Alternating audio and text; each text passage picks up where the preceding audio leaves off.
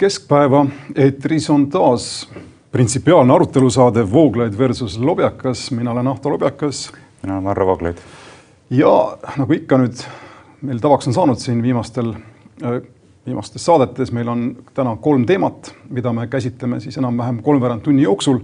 Nendeks teemadeks on seekord siis situatsioon erameedia ja riigimeedia, kui võib siis öelda, vahel erameedia teatavasti kaebas, erameedia esindajad siis kaebasid olukorra üle Euroopa Komisjonile, olukorra üle Eesti meediaturul. teiseks teemaks on olukord Eesti Riigikohtus, Riigikohtu pädevus, Riigikohtu mehitamine, Riigikohtu järelevalve siis alama astme kohtuinstantside üle ning kolmandaks teemaks on äh, meil juba korduvalt üles kerkinud küsimus sellest, kas ja kuidas riik peaks äh, lubama või mitte lubama siis abordi tegemist, seda rahastama konkreetselt tänases, tänases saates hakkame seda arutama.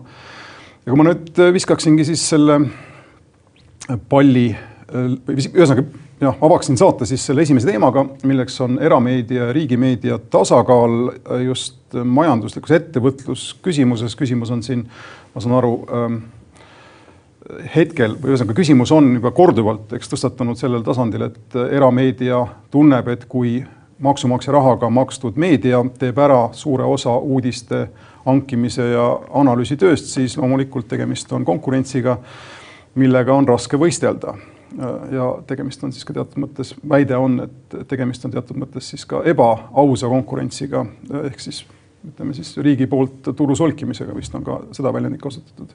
ma ütlen ausalt, mul ei ole endal lõplikult välja kujunenud seisukohta selles küsimuses, ma olen ka varem öelnud, et väikestes ühiskondades on vajalik see, et kogu, ma arvan, et kogu ajakirjandussektor ei oleks kommertsialiseerunud, et kõik ei oleks omaniku surve all, oleks kohti, kus Äh, oleks võimalik olla ajakirjanik ka nii-öelda noh, ühiskondlikus kuidagi kapatsiteedis, aga samas on ka selge, et väikestes ühiskondades, nagu ma isegi näinud olen, on see probleem, et avalik sektor, kõik, mis on oluline, teatud määral politiseeritakse ja vältimatult politiseeritakse ning kohad nagu ka kohad nagu Eesti Rahvusringhääling on kohad, mis peavad arvestama, siis eh, ei saa olla ühesõnaga kõrval või kusagil ülal sellest, mis toimub poliitikas ja, ja nemadki on sunnitud kompromissidele minema, järeleandmisi tegema ja, ja seetõttu kogu see teema on ääretult komplitseeritud, mis puudutab nüüd seda konkreetset probleemi, kas eh, riigimeedia võtab erameedialt ära leiva.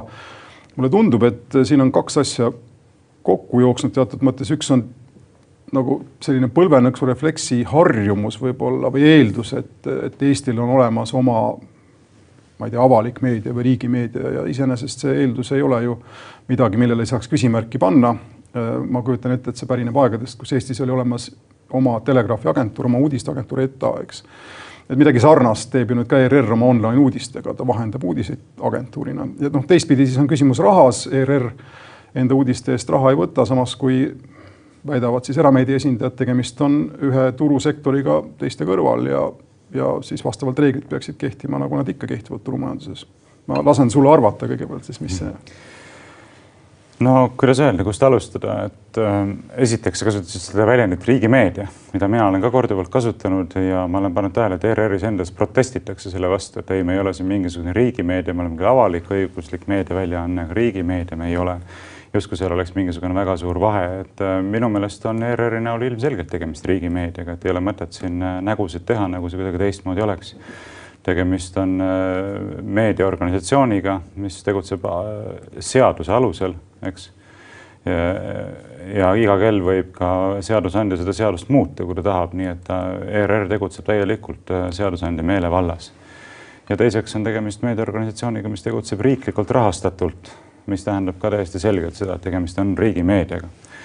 et äh, kui sa saad oma raha, peamise raha riigi käest, nagu kogu, kogu oma eelarve praktiliselt, eks ole, ERR-i puhul seal vist mingi väike osa võib-olla on mingite teenuste pakkumisest ka, mis tuleb, äh, siis on loomulikult tegemist riigimeediaga. nii, äh, nüüd edasi mina olen igal juhul täiesti nõus selle kaebuse põhisisuga, et kuivõrd online ajakirjandus ei ole selline valdkond turul, mis oleks täitmata ja kus oleks tarvis riiklikku sekkumist, et äh, pakkuda teenuseid, mida mitte keegi teine ei paku, äh, siis ei ole põhjendatud, et ERR raiskab maksumaksjate raha selle peale, et teha päevast päeva hommikust õhtuni online uudiseid.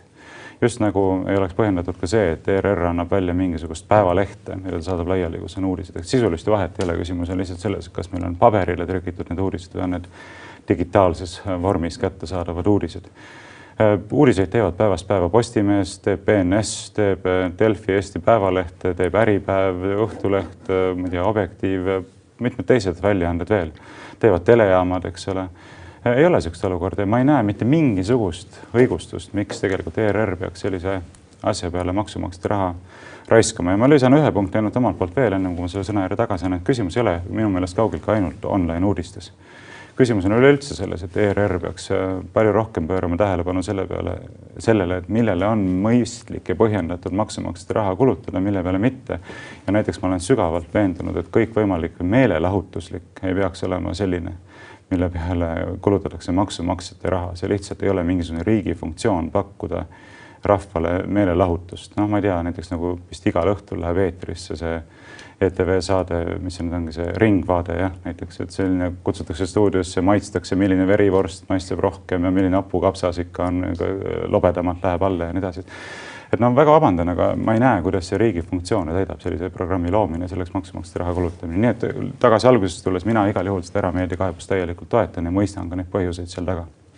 no see, alustades sellest, millega sa lõpetad, sa viitad tegelikult samale asjale, millele mina püüdsin viidata, siin on teatav inerts sees kogu selles asjas, me oleme harjunud või inimesed, kes seda otsustavad, selle, nende asjade üle otsustavad, on harjunud äh, noh, ma ei, vaatavad tagasi, ma kujutan ette mingile nostalgilisele perioodile siin kaheksakümnendate aastate lõpus, kus ETV-l ja kogu sellel ringhäälingul oli tõesti oma roll kanda äh, nii-öelda Eestit emantsipeerides, kui võib öelda te, tekitades ruumi, kus oli rohkem vabadust tihti, kui lubatud oli ja kõik see oli huvitav ja vajalik ja nii edasi, aga jah, tänaseks ma olen sinuga nõus, ma ei näe suuremat vajadust selliste asjade järele ja, ja ma ei ole ka ausalt öeldes ETV vaataja, ütlen, ütlen otse, ma ei vaata ka teisi kanaleid mul on nagu raske seda kommenteerida, aga iseenesest ma sinuga ei vaidle, ma ei näe, ma ei näe sellel erilist äh, mõtet. mis puudutab seda terminit riigimeedia, siis see niikuinii selle organi nõukogus on parteide esindajad ja nagu me nägime möödunud hooajal äh,, parteid määravad paika ka eksperdid, siis minu arvates on tegemist poliitilise koguga, mis äh,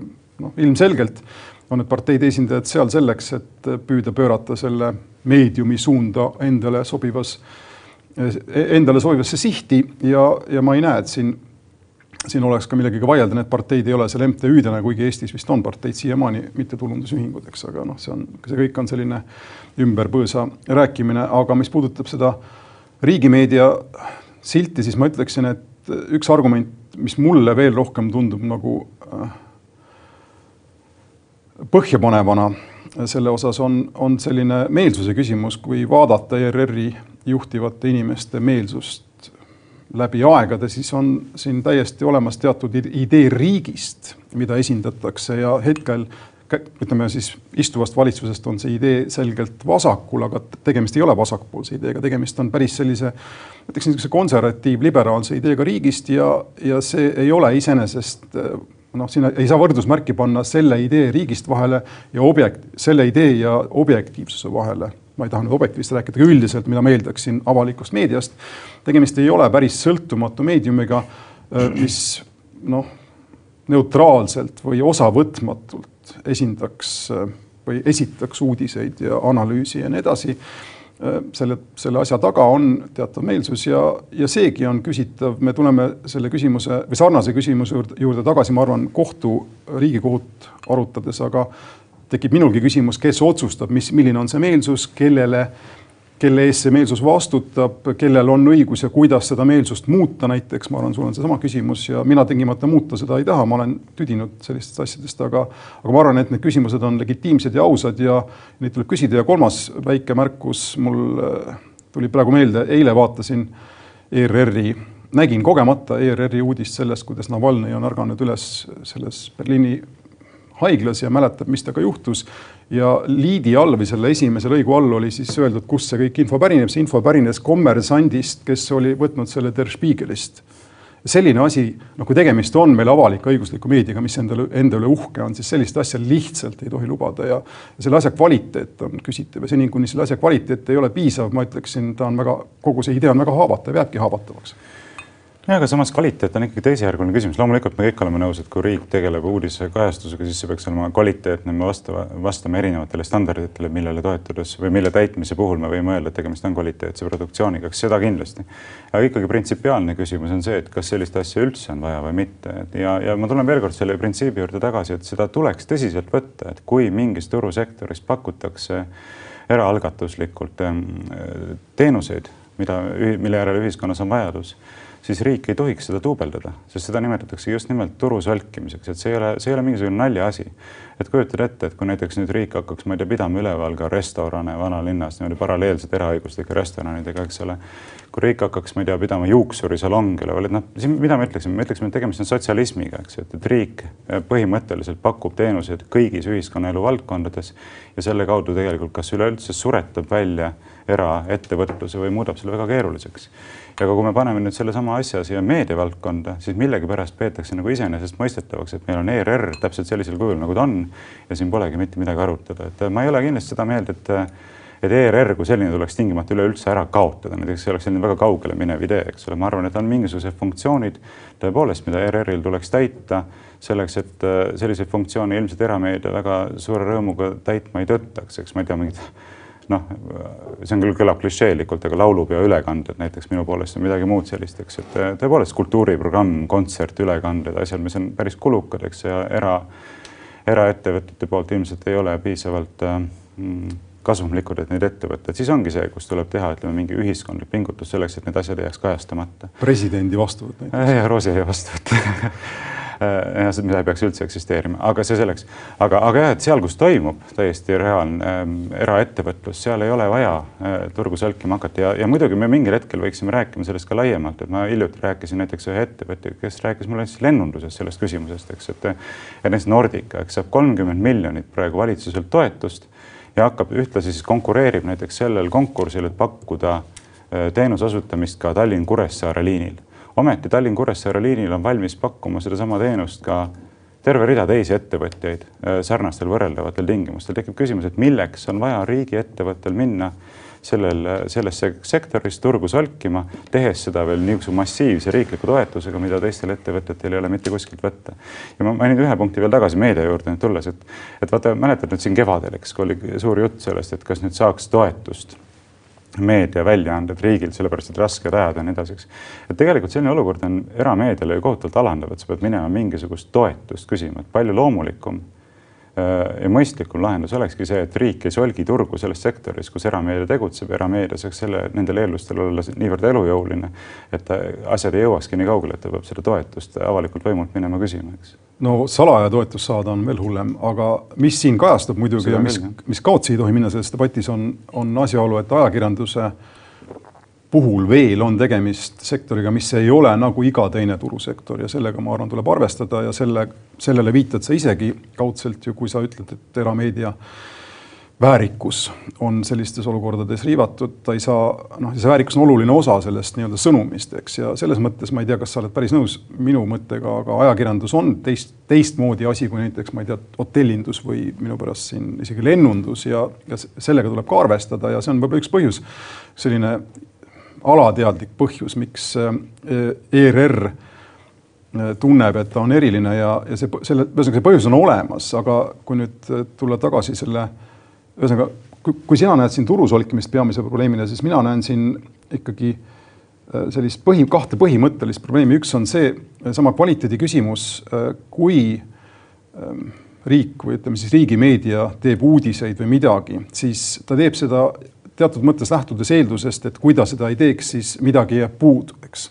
erameediat ei usaldata täiesti, nähakse, et võib-olla kvaliteet ei ole piisav ja nii edasi, aga mingi argument, sellelaadne argument peab siin olema, et, et, et riik sekkuks sellesse küsimusse, aga kui ta teeb seda halvasti, siis see argument kaob täiesti ära, ma tulen tagasi enda mõtte juurde, eks ta ei tohi seda teha kehvalt.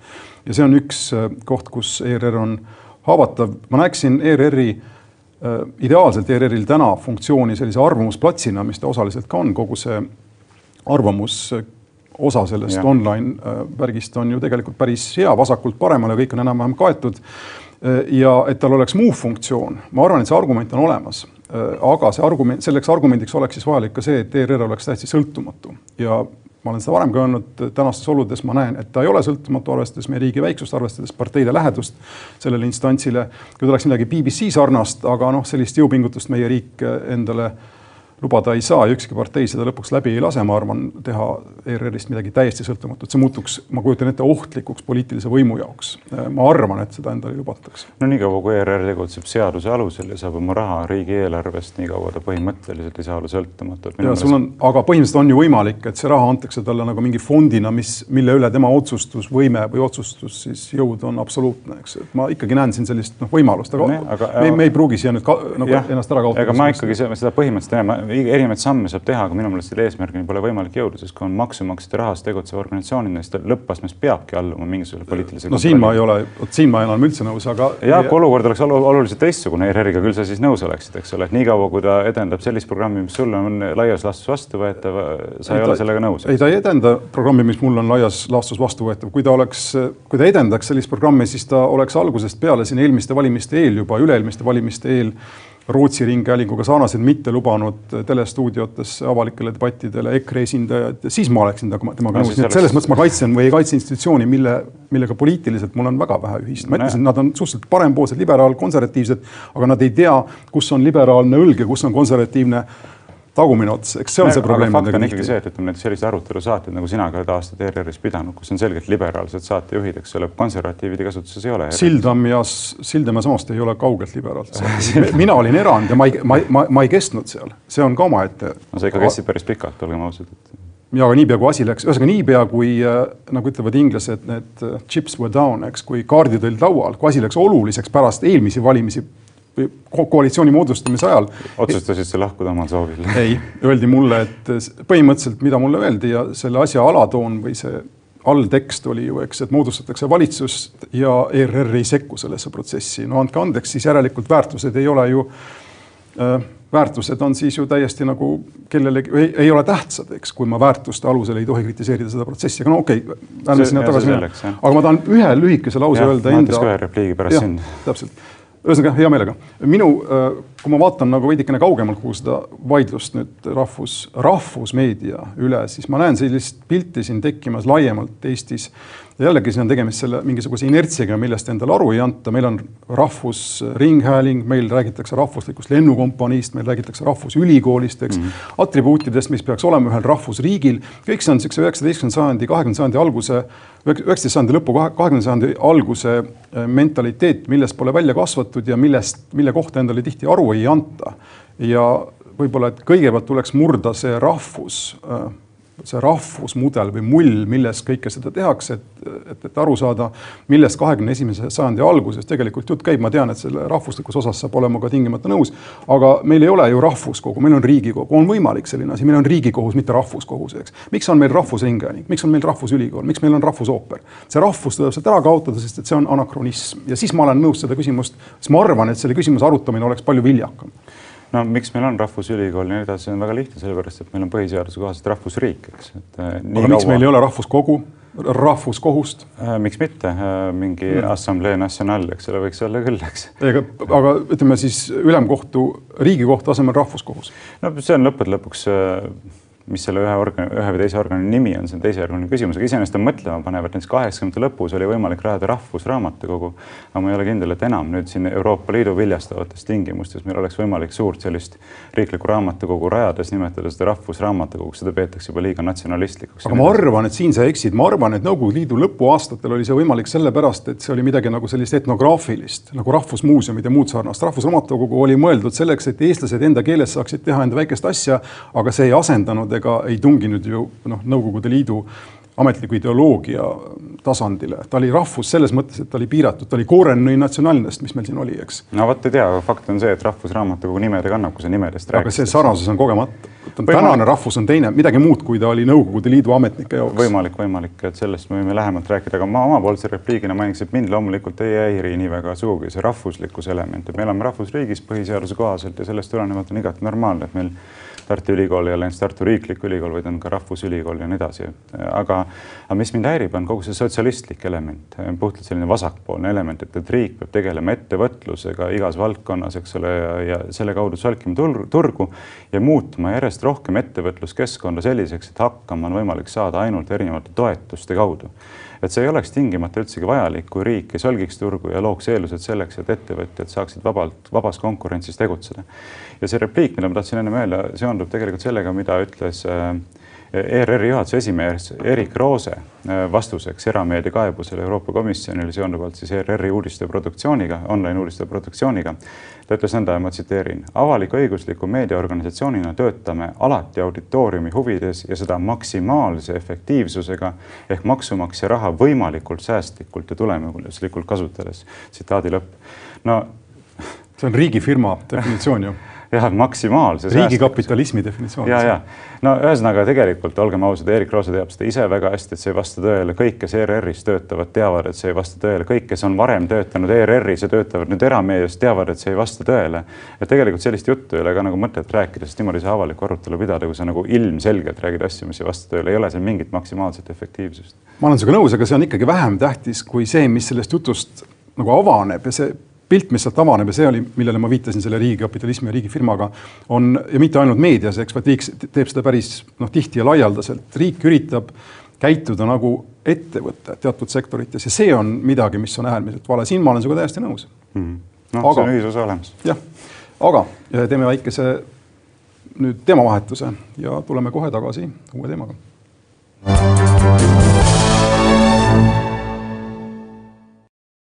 Nii nagu lubatud, teema number kaks. riigikohtu, ma ütleksin siis positsioon tänases Eesti ühiskonnas.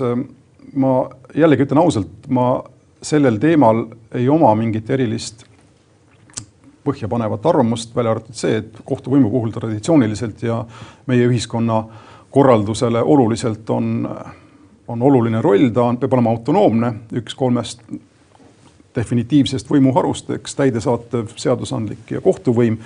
ja kui ma lugesin nüüd sinu nõuandel saateks valmistudes seda Päevalehe intervjuud Riigikohtu esimehe Villu Kõvega, siis asi, mis mulle silma torkas ja mis tegelikult ma kujutan ette tema vaatepunktist on täiesti sekundaarne või kolmandajärguline, on korduv viide sellele, et mingis, mingis küsimuses või teises küsimuses oli tegemist justiitsministeeriumi kommunikatsiooni probleemiga ja ma tunnen siit väga sellist ebatervet ja minu jaoks täiesti ehmatavat lähedust kohtusüsteemi ja ministeeriumi vahel.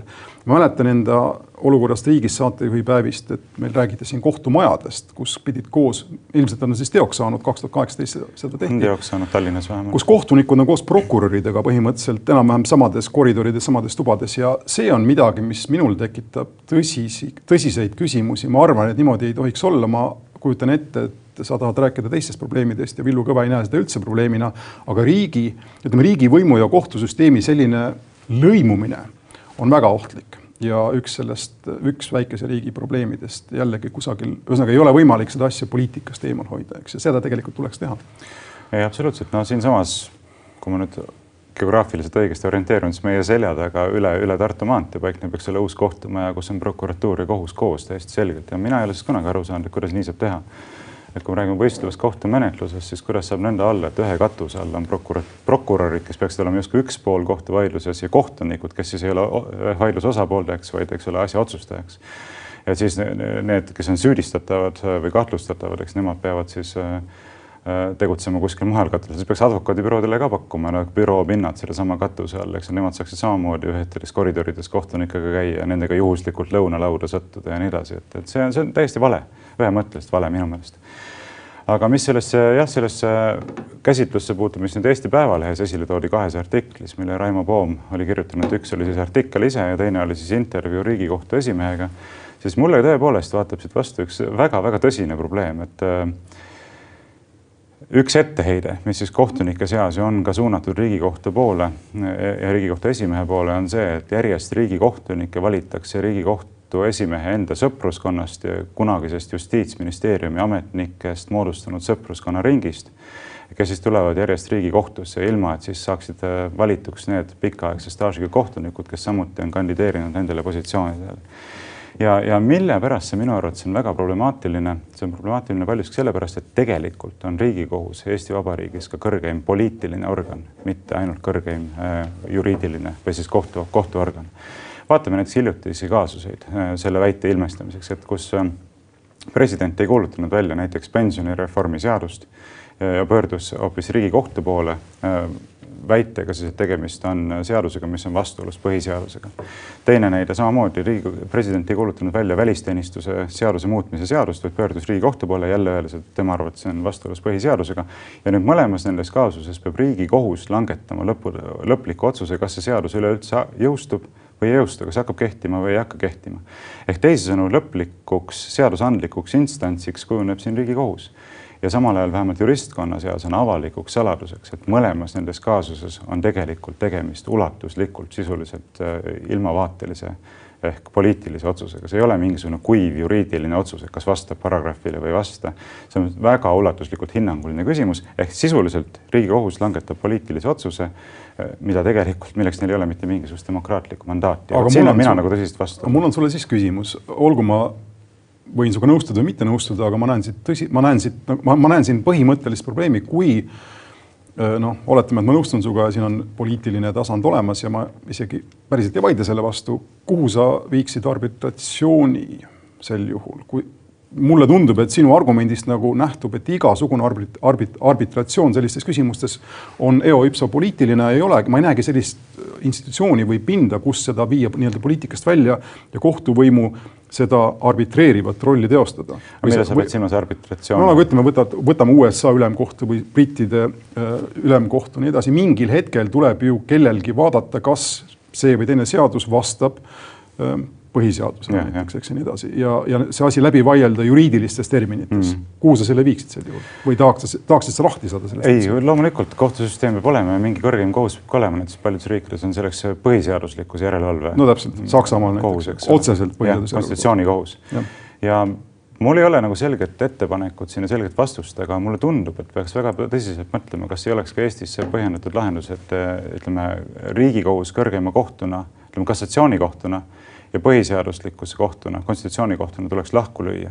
ehk äh, üks on see, kus tegeletakse konkreetsetes kaasustes, eks ole, asjade, kaebuste läbivaatamisega, kassatsioonikaebuste läbivaatamisega viimase instantsina. aga teine on see, kus tegelikult langetatakse otsuseid, milles on väga ulatuslik poliitiline dimensioon, eks ole. nii, aga siis minu järgmine küsimus on, kuidas me selle teise organi moodustaks? See on nüüd järgmine oluline küsimus ja, ja vaata, mul jäi ennem kõrva just see, kui sa mainisid, et ta peab olema sõltumatu, eks. võib-olla ta peaks olema just vastupidi, rohkem sõltuv, aga küsimus on selles, sõltuv kellest, eks ole. et äh, iga, iga organ on kellestki sõltuv ja kui me elame demokraatlikus riigis, mulle tundub, et näiteks kassatsioonikohtu kohtunikke ei oleks sugugi kohatu äh, määrata ametisse ka läbi demokraatliku protsessi ühel või teisel viisil. valida? jah, põhimõtteliselt küll no, tekib... praegu, praegu ka ju valitakse tegelikult, kui nii võtta formaalselt, et ja. Riigikohtu kohtunikud kinnitab Riigikogu, eks ole.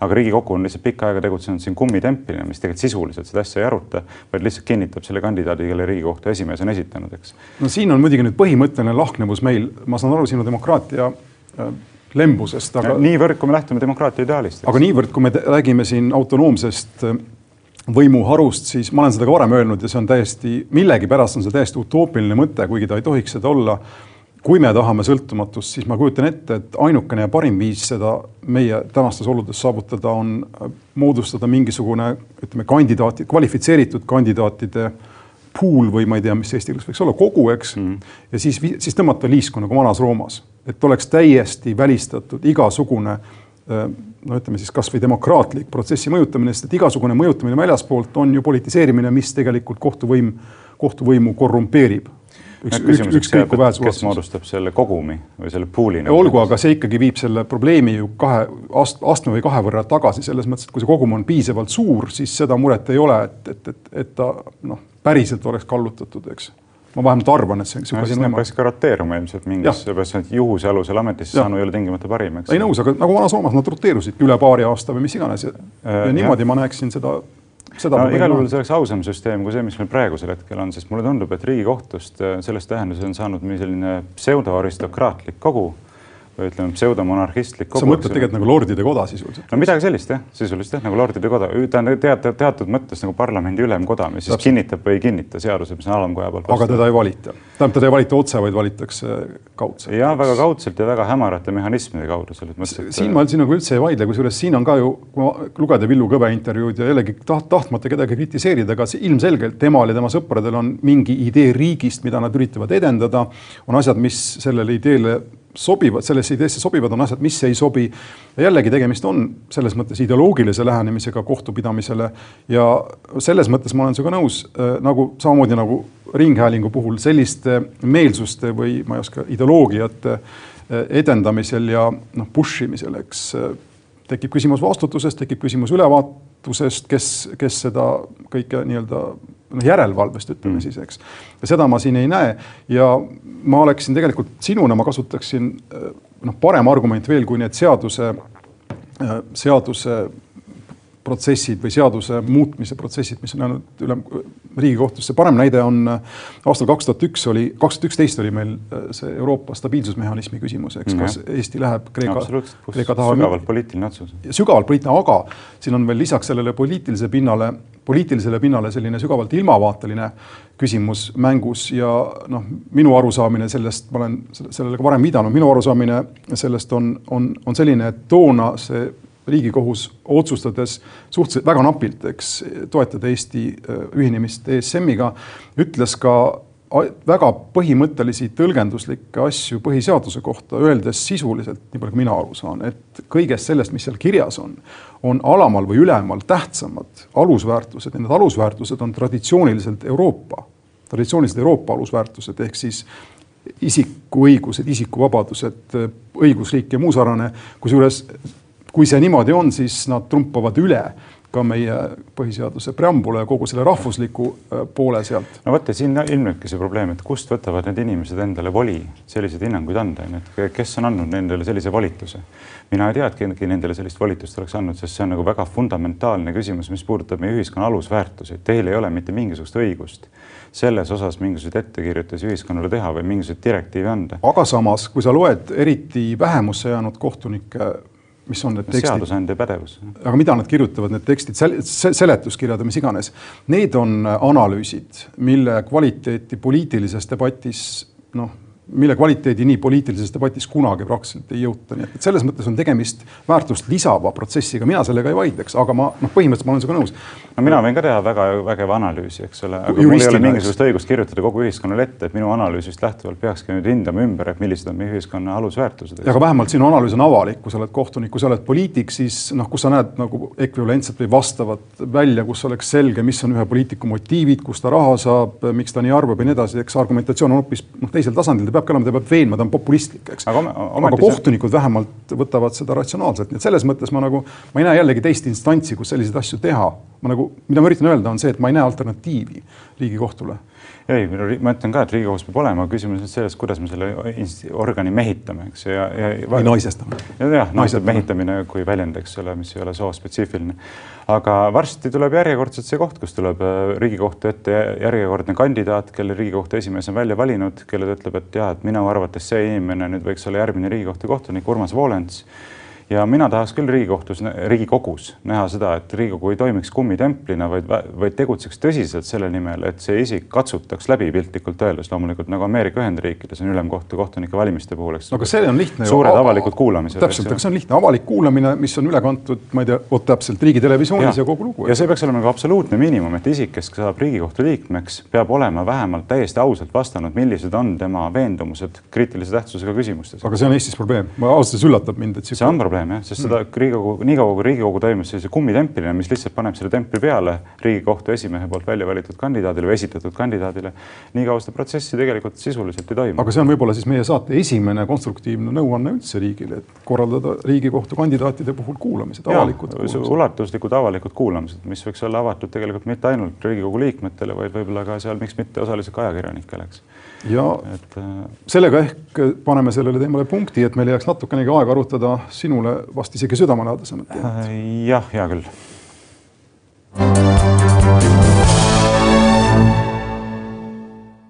selleks teemaks, kolmandaks teemaks on abordi rahastamine riigi poolt ehk siis küsimus sisuliselt abordi staatusest või vähemalt esimene samm selles küsimuses. Ma võib-olla annaksingi kohe sulle üle selle palli, et sa saaksid öelda, mida sa sellest arvad, sest et ta läheb sulle selgelt korda äh, rohkem kui mulle, mitte et ta mulle korda ei läheks, aga mul on üldiselt hajusamad mõtted kindlasti kui sul. nojah, ma tegelikult pakkusin selle teema välja sellepärast, et äh, ma olin väga üllatunud, nähes, kuidas äh, mõne päeva eest, äh, kaheksandal septembril avaldati Eesti Päevalehes artikkel, mille autoriks on Lennart Käämer ja artikkel kannab pealkirja Abordi riiklik rahastamine saagu poliitilise otsustamise teemaks, eks. Ja no ma mõtlesin, et sellest samast üleskutsest lähtuvalt võiks ju meie ka seda teemat käsitleda, sest kes seda lõppude lõpuks ikka teeb, et üldiselt see teema vaikitakse maha niimoodi põlve nõksu refleksist, nagu sulle meeldib öelda ja ei taheta sellest mitte juttu teha, aga me võiksime mõned mõtted sel teemal vahetada, seda enam, et augusti lõpus toimus Tallinnas ka see elumarss mm, üle pika aja, kunagi seda organiseeriti vist mingi viisteist aastat tagasi. aga nüüd toimus see uuesti ja üheks selle marsi keskseks sõnumiks vähemalt võiks olla, ma ei tea, kas ta korraldajate mõttes ka oli, see, et vähemalt abortide riiklik rahastamine, nende abortide riiklik rahastamine, milleks puudub igasugune meditsiiniline põhjus, tuleks lõpetada sel lihtsal põhjusel, et äh, riigil on ju tegelikult kohustus kaitsta kõikide inimeste õigust elule ja mitte kuidagi ei ole võimalik selle kohustuse täitmisega kooskõlas olevaks pidada praktikat, kus riik Haigekassa eelarves süstemaatiliselt rahastab iga viimast kui aborti, sõltumata selle abordi põhjusest. nii minu meelest siin on selge selline põhiseaduslik vastuolu just nimelt selles mõttes, et ühelt poolt kohustus kaitsta elu, teiselt poolt ise rahastad eh, inimeste elu hävitamist, eks. ja, ja seda ei tohiks tegelikult tähelepanu jätta, tähelepanuta jätta, see on minupoolne sissejuhatus. nii, no see, kui ma alustan nüüd äh, jällegi sealt, kus sa lõpetasid, siis küsimus ongi ju selles, mida lugeda eluks, eks. ja see on tegelikult huvitav küsimus, ma arvan, et ka vastuoluline küsimus, kui sa, kui sa ise sellesse süübid, sa oled kindlasti süübinud sellesse. Äh, on ilmselge, et riik meil ja mitte ainult meil on otsustanud, et loode teatud vanuseni ei kujuta endast inimest, vastasel juhul oleks tegemist mõrvaga, eks, nagu sa ütled. aga kokkuleppe küsimuse, kokkuleppe korras on otsustatud, et kusagilt jookseb piir. et sina, ma saan aru, defineerid inimelu loote, mis ta siis on, loote eostamise hetkest, eks. kui tekib põhimõtteliselt eostatud äh, mis on täpne see bioloogiline termin, ma ei kujuta ette äh,. igal juhul saad aru, mida ma mõtlen, kõik saavad aru, mida ma mõtlen. eostamise hetkest, uue inimese elu algab eostamise hetkest. täpselt, aga siin ma näen nüüd väikest probleemi, see on, see defineerib inimese totaalselt bioloogiliselt. tähendab, ta defineerib inimese nagu teadusliku faktina. ta defineerib inimese selles mõttes väga uusaegselt, ainult viisil, mis sai võimalikuks tänu kõikidele nendele asjadele, mis sulle kui konservatiivile ei meeldi. alates Descartes'ist, eks, subje, sub, sub, subjektsusest, objektiivsusest ja muust sarnasest. küsimus on selles, et varasemalt, no see ei ole muidugi võib-olla tähtis praegu, aga ütleme varasemalt keskajal ja enne keskaega inimesi niimoodi defineeritud. Äh, me, me teame ilmselt kõik näiteid näiteks, ma ei tea, Vana-Kreeka ajaloost, eks, kus äh, probleemidega ütleme, haiged beebid visati kusagilt mäe küljelt alla, jäeti, jäeti sõna otseses mõttes elementide kätte, eks, kuni need ära surid ja kõik, kõike seda nagu kujutati ette normaalsena. no kui sa viid selle asja bioloogilisele pinnale, siis ja noh, igasugust kokkuleplust siin ei tunnista, siis minul tekib küsimus, kust selle asja nagu ots oleks. näiteks surmanuhtluse puhul meil on ühiskond otsustanud, et surmanuhtlust me ei kasuta, eks me on otsustatud, et inimese elu on äh, püha ja nii edasi. Ehm, bioloogiliselt sellele asjale lähenedes ma ei näe, et seal oleks enam ruumi sellele noh, väärtuslikule, eks või väärtuspinnale või, või, või, või millelegi sarnasele. kui sa ühesõnaga, sina peaksid lähtuma väärtustest, konservatiivsetest, usulistest, mis iganes, aga kui sa seda asja bioloogiliselt defineerid, siis ma ei näe, kuidas need kaks asja kokku lähevad. aga miks ma ei näe jälle vastuolu? Ehm, ma ei näe vastuolu, ma tegelikult ei saanud su selgitusest aru. ühesõnaga, ma ei ole ise ka päris kindel, ma sulle oskan öelda, mida ma paari lausega üritan, oskan öelda, mida ma mõtlen selle all, aga põhimõtteliselt, kui sa oled nõus inimest teaduslikult defineerima, siis sa ei jäta ju sinna kohta väärtuse üle käivatele vaidlustele. nii, aga samas oled sa ju noh, ma ei tea, kui sa võtad näiteks armastuse akti, eks, see, mis on põhimõtteliselt pindade üksteise vastu hõõrumine, anna andeks mulle nüüd selle võrdluse eest, eks. nii täpselt, aga sa ütled, et teatud soolised, no ütleme niimoodi, samasoolised inimesed seda teha ei tohiks, erisoolised tohivad. siin sul nagu selline lihtsalt bioloogiline fakt muutub ääretult sügavalt tõlgendatuks väärtustest lähtuvalt, eks saad aru?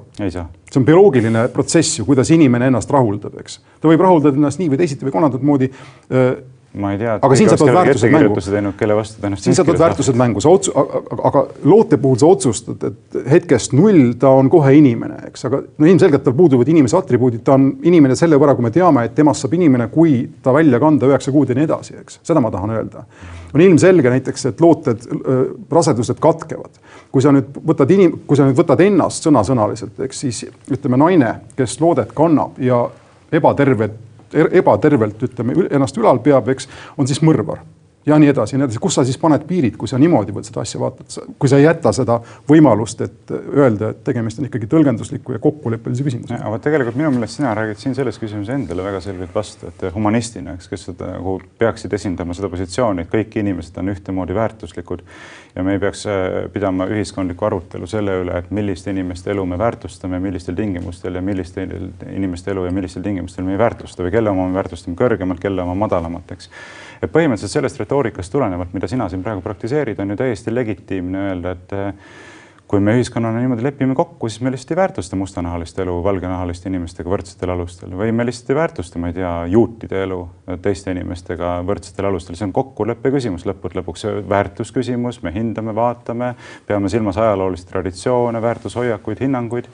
ja lepime kokku lihtsalt nii, et tegelikult meie ühiskond ei ole teinud mitte midagi muud me ei ole mitte midagi muud teinud ja tegelikult sina oled ise selle ka heaks kiitnud koos teiste liberaalidega, et on lepitud kokku, et lihtsalt nende inimeste elu, kes on kõige nõrgemad, kõige kaitsetumad, kõige süütumad, me lihtsalt ei austa teistega võrdsetel alustel. on lepitud kokku, et nad ei ole veel inimesed ja on lepitud kokku tulenevalt no, aga... tulenevalt sellest, et tegemist on äh, huvide konfliktiga, ütleme väärtuste konfliktiga, tulenevalt siis sellest, et emal on õigus oma kehale teatud piirides on lubatud tal sellest lootest lahti saada, vabandust nüüd termini pärast. mina ei ole inimene, kes ütleb, et see on hea või et see mulle meeldiks, kui päris aus olla, eks. ma kujutan ette, et noh, tegelikult, kui me nüüd võtame, vaatame selle asjale silma, siis on selgelt tegemist meie ühiskonna tänase arengutaseme probleemiga. ma kujutan ette, et kusagil viiesaja või tuhande aasta pärast see loode võetakse ilma igasuguse invasiivsuseta lihtsalt välja sealt, eks pannakse mingisse inkubaatorisse, ta kasvab üles ja nii edasi, kuigi siin on omad probleemid, kes seda kasvatab ja kus ta kasvab, kui ta on pere.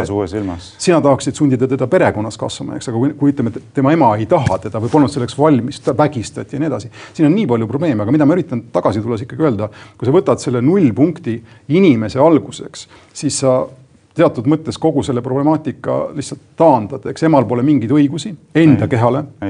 isal on, isal on emaga võrdsed õigused, kuigi isad seda last ei kanna ja nii edasi. põhimõtteliselt mina näiteks võtaksin sinu vaatepunktist juba ette ka isad, kes siis enne loote eostamist peavad ennast ülal ebatervislikel, ebatervislikul moel näiteks ja tekitavad niimoodi lootele mingisuguse sünnidefekti. ma võtaksin selle vastutuse teisel pool siis loote nagu eostamist ka üle, eks. aga loomulikult. vastutus on, kus see vastutus sel juhul lõpeks, ma ei kujutagi ette. aga tuleme korraks asja juurde kitsamalt, me võime nagu hästi kergem siin selle teemaga lappama minna, rääkida ma, kõigest just... ja mitte millestki, eks no aga kui me räägime konkreetselt äh, abordi riiklikust rahastamisest ja me räägime konkreetselt valikabordi riiklikust rahastamisest ehk mitte selliste abortide riiklikku rahastamist, mis tuleb teha selle tõttu, et näiteks loode on surnud või et see on vajalik ema elu päästmiseks või milleks muuks, lihtsalt pole meditsiinilist põhjendust, pole vägistamist, pole mitte midagi. lihtsalt tahetakse aborti teha. nii, kui me küsime, miks riik seda rahastab, miks? See ei ole meditsiini, see ei ole tervishoiuteenus mitte kuidagi, see, on, hoia mitte tervist, seal ei ole. vastus on, vastus on lihtne, me oleme kokku leppinud, et neljateistkümnenda nädalani, mis iganes see on, loode pole inimene. tegelikult ei ole niimoodi ja nüüd siin ma mõtlesin, ma korra tsiteerin sulle, et kahe tuhande neljandal aastal juba pöörduti selle küsimusega õiguskantsleri poole, mille sel ajal oli õiguskantsler Allar Jõks kes ütles niimoodi vastuseks, äh, tsiteerin, loote arenguetapid ei mõjuta mingil määral loote inimeseks olemist ning tema inimväärikuse olemasolu, mis jääva suurusena saadab inimelu algusest lõpuni. inimelu tähendab seega ka veel sündimata elu. see on õiguskantsler, kes peab tõlgendama seaduste vastavust põhiseadusele, aga Just. see, mida ta siin vasta seab, ei ole mitte põhiseadus, vaid mingisugune isiklik veendumus. selleks, et ma saan, saaksin siin seisukoha anda, ma pean vaatama, mida teadus ütleb inimelu alguse kohta, ta vaatas erinevaid allikaid ja ütles, et tegelikult see on teaduslik konsensus. see on jumala, see on jumala positsioon sisuliselt, mille ta võtab siin? ei, see on teaduslik positsioon ja, ja asi läheb huvitavamaks, ta ütleb siia lisaks, et kuna loote eluõigus on põhiseaduse poolt kaitstud, on raseduse katkestamine põhimõtteliselt keelatud. raseduse katkestamine on vastuolus põhiseaduses sätestatud õigusega elule ja kaitsele kehavigastuste tekitamise eest. kaitsekohustus on kehtiv ka ema suhtes, pannes naisele seega põhimõttelise kohustuse eostatud lapse ilmale toomiseks. ja mis on veel huvitavam, ta ütleb, riik peab oma kaitsekohustuse täitmiseks võtma tarvitusele piisavad meetmed ja seda nii normatiivsel tasandil kui ka tegelikkuses tegelikkuses, mis tagaks proportsionaalse ja efektiivse kaitse. siin, siin ütleb üks mees ja sina toetad teda, et naise õigus oma kehale tänu tema bioloogilisele eripärale on väiksem kui mehe õigus oma kehale, puhtalt sellepärast, et mees ei saa rasestuda, eks ei no me räägime ikkagi eraldiseisvast inimesest, kes on antud juhul. ja, aga sa räägid ka sellest inimesest, kes teda kannab, eks, kes juhtub olema naine, sest mees ei kanna. ma tahan lihtsalt seda öelda, et see kokkulepe, millest me räägime, võtab arvesse seda fakti, et naisel on õigus oma kehale. sul nagu ei ole selle jaoks üldse ruumi. kuidas see erineks näiteks sellest, et ütleme, et sina ei ole orjapidaja, mina olen, eks, mul on orjad, sinul ei ole. sina tuled mulle ütlema nagu, kas ma võin orja pidada või mitte, siis ma vastaksin sulle täpselt samamoodi nagu sina mulle praegu vastad, et loomulikult sinul on lihtne öelda, et orja ei tohi pidada, sellepärast et sul polegi orja, eks ole. aga minul on orjad ja sa tuled mult, eks ole, ära nagu... võtma õigust teostada oma omandit nii, nagu ma ise soovin. see on nagu hommikune. kuidas sa erined orjapidajast? hommikune konjaki joomine, kas ma lõpetan, olen selle lõpetanud või ei ole, tähendab, ma ei saa selle küsimuse relevantsusest aru ka, mida ma üritan öelda, on ju see, et meil on teatud kon konsensus ühiskonnas, mis ei ole jumalast antud ega ei ole ka muutumatu ajas, kindlasti võib see muutuda, eks, aga täna on emal, naisel õigused, mis lähevad konflikti looteõigustega ja loode kaotab. Ja mina arvan, et niimoodi on õige, sina arvad, niimoodi on vale, aga, aga, aga mingit teaduslikku. vaid see, et tema kaotab oma elu, eks ole, kõik kõige väärtuslikum, mis tal on. aga ma küsin sult lõpetuseks ühe lihtsa küsimuse meil on kohe aeg otsas, aga see võtabki mõned, mõnekümned sekundid kas sa oled nõus sellega, et kui põhimõtteliselt on riigil põhiseaduslik kohustus kaitsta ka veel sündimata laste elu, siis sellisel juhul selle kohustusega ei ole kooskõlas olukord, kus riik ise rahastab iga viimast ka aborti, sõltumata selle põhjusest? ei no ma ei näe, et probleem oleks selles, kui rahastatakse aborti selle hetkeni, mil loodet defineeritakse inimolendina. vabandust, mul ei ole muud vastust sulle anda. aga kui on öeldud, et on kohustus kaitsta veel sündimata last, kas siis selle kaitsekohustusega on kooskõlas? siin on ilmselgelt probleem, aga ma, nagu ma ütlen sulle, tegelikult või tegelikkuses ei defineerita loodet teatud hetkeni inimeseks no aga vähemalt on hea, et sa ütled, siin on ilmselgelt probleem, järelikult on, mida tuleks avalikus arutelus edasi arutada. ja ma kordan, et mulle see mõte ei meeldi, et tapetakse või hävitatakse loode, aga ma ei näe muud lahendust. igal juhul mina näen. sellega äh, tuleb meil saade lõpetada, muud lahendust meil ei ole. kuulasite väitlussaadet, vaidlussaadet Vooglad versus Lobjakas äh, oleme tagasi järgmisel reedel. kohtumiseni.